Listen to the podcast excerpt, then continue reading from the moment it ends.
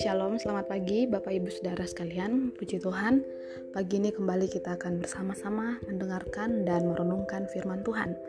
Masih dalam seri kitab Mazmur dan hari ini kita sudah sampai pada Mazmur pasalnya yang ke-31.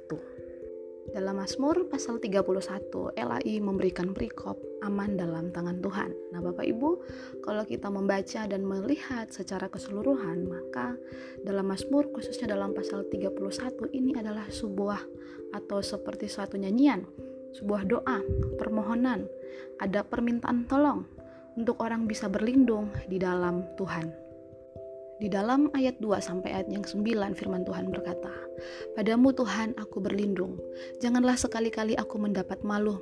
Luputkanlah aku oleh karena keadilanmu, sendengkanlah telingamu kepadaku, bersegeralah melepaskan aku. Jadilah bagiku gunung batu tempat perlindungan, ku bepertahanan untuk menyelamatkan aku sebab engkau bukit batuku dan pertahananku, dan oleh karena namamu engkau akan menuntun dan membimbing aku. Engkau akan mengeluarkan aku dari jaring yang dipasang orang terhadap aku, sebab engkaulah tempat perlindunganku. Ke dalam tanganmu lah kuserahkan nyawaku. Engkau membebaskan aku, ya Tuhan Allah yang setia. Engkau benci kepada orang-orang yang memuja berhala yang sia-sia, tetapi aku percaya kepada Tuhan. Aku akan bersorak-sorai dan bersuka cita karena kasih setiamu, sebab engkau telah menilik sengsaraku, telah memperhatikan kesesakan jiwaku, dan tidak menyerahkan aku ke tangan musuh, tetapi menegakkan kakiku di tempat yang lapang. Nah, Bapak Ibu Saudara sekalian, ayat yang kita baca barusan ini menggambarkan tentang penyerahan hidup Daud kepada Tuhan, di mana dia yakin bahwa perlindungan yang aman hanya dia temukan di dalam Tuhan. Seperti yang kita ketahui bersama Bapak Ibu bahwa Daud ini adalah seorang raja Israel. Namun Bapak Ibu sebagai raja Israel itu tidak berarti bahwa Daud itu bebas dari masalah.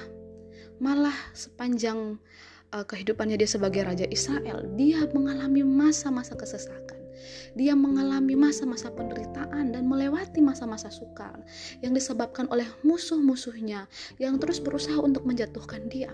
Bahkan dia harus melewati masa-masa di mana anaknya sendiri mengkudeta dia waktu dia menjadi seorang raja.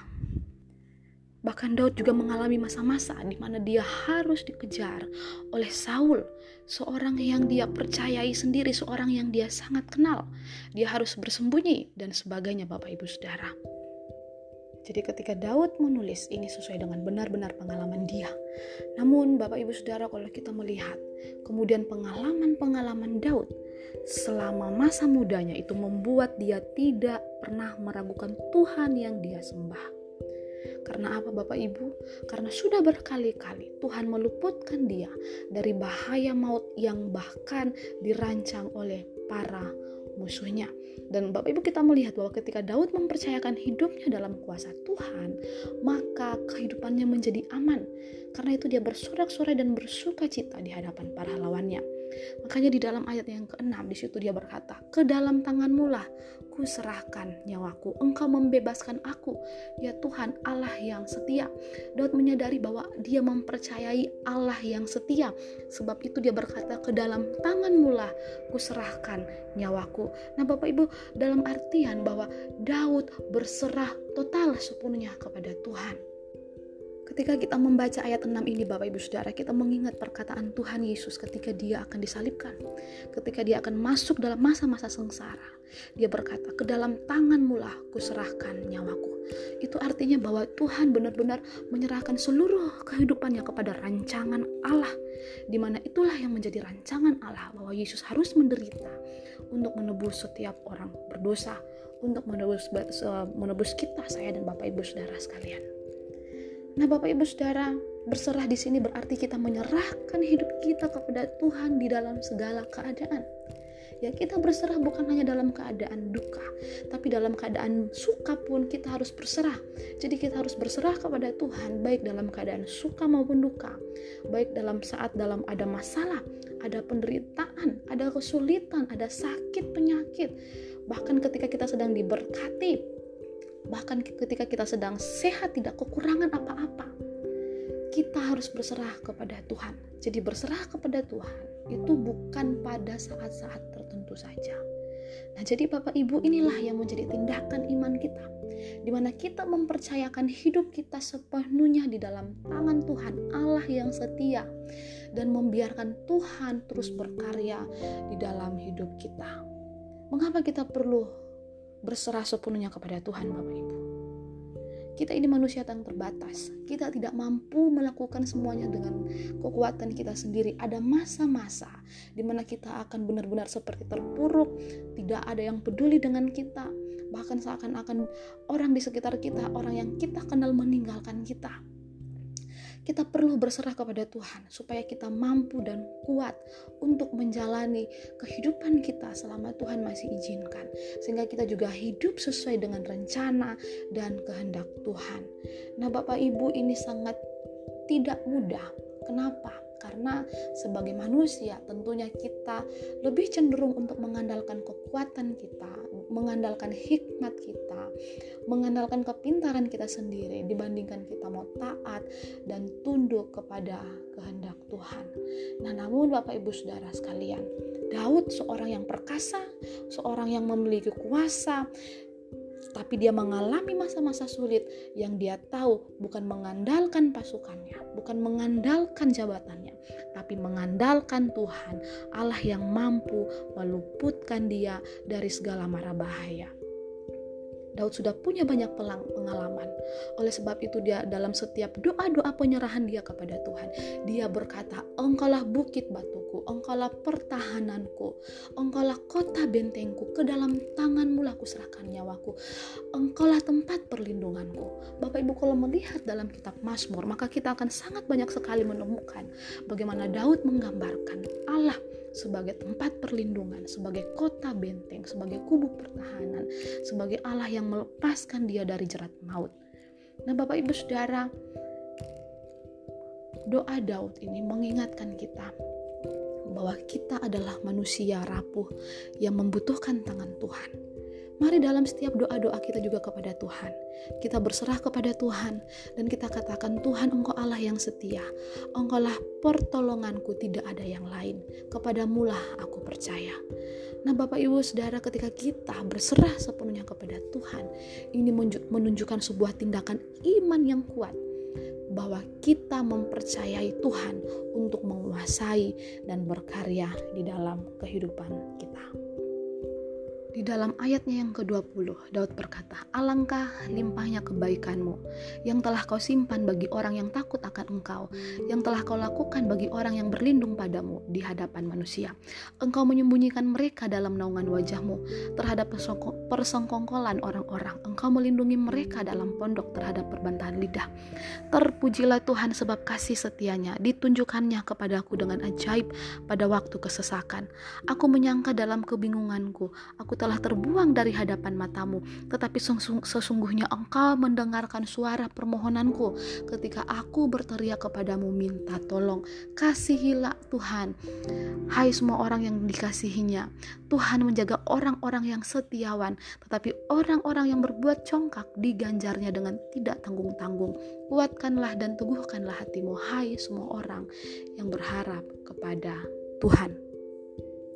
Luar biasa Bapak Ibu dalam ayat ini bahwa dalam segala masa-masa dia terpuruk, Daud tetap percaya bahkan semakin percaya kepada Allah yang hidup, Allah yang mampu melepaskan dia dari segalanya.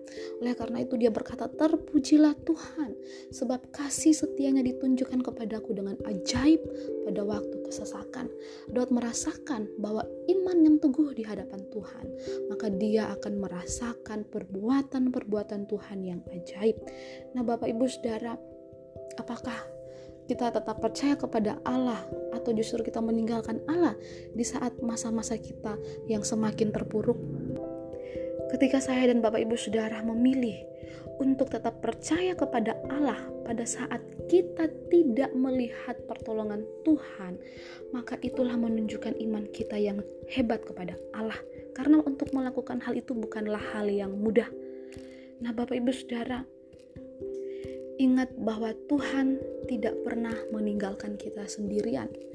karena pertolongannya itu tidak pernah datang terlambat, hanya saja waktu Tuhan dengan waktu manusia itu berbeda. Tuhan akan menunjukkan kasihnya dengan caranya yang ajaib. Bahkan saat kita berpikir bahwa kita sendirian, maka ketahuilah Bapak Ibu bahwa sesungguhnya Tuhan mendengarkan semua permohonan kita dan dia akan menjawab sesuai waktu dan caranya Tuhan. Di dalam ayat penutup tadi dikatakan, kuatkanlah dan teguhkanlah hatimu, hai semua orang yang berharap kepada Tuhan.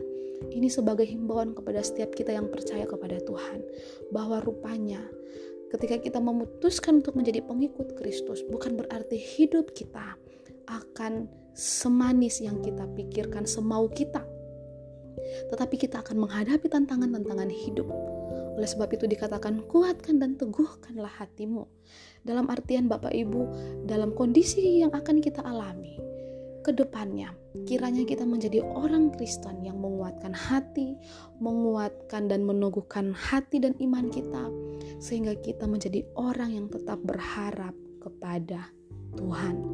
Jadi Bapak Ibu, dari kebenaran firman Tuhan atau renungan kita pada pagi hari ini mengingatkan kita bahwa mari berserah kepada Allah sebab dia adalah Allah yang berdaulat atas hidup kita. Orang yang berserah kepada Allah maka dia akan berada dalam perlindungan Tuhan. Sekalipun mungkin kita belum melihat jawaban Tuhan, jangan kita berpikir bahwa kita sendirian dan Tuhan tidak menolong. Sesungguhnya Tuhan mendengarkan setiap permohonan kita. Hanya saja waktu yang Tuhan berikan itu terkadang tidak sesuai dengan waktu kita. Terus berdoa, terus beriman, dan teruslah berpengharapan di dalam Tuhan. Tuhan memberkati. Mari kita berdoa. Bapak terima kasih buat firman-Mu. Kiranya kami menjadi jemaat-jemaat yang terus bertumbuh dalam pengenalan akan Tuhan.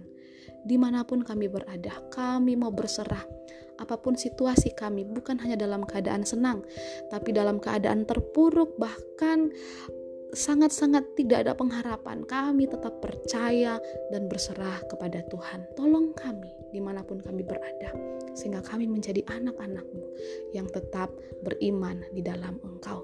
Kuatkanlah dan teguhkanlah hati kami ya Tuhan sehingga kami terus menjadi orang yang berharap kepada Tuhan. Terima kasih buat kesetiaanmu, terima kasih buat kasihmu, dan terima kasih buat cintamu yang besar kepada kami.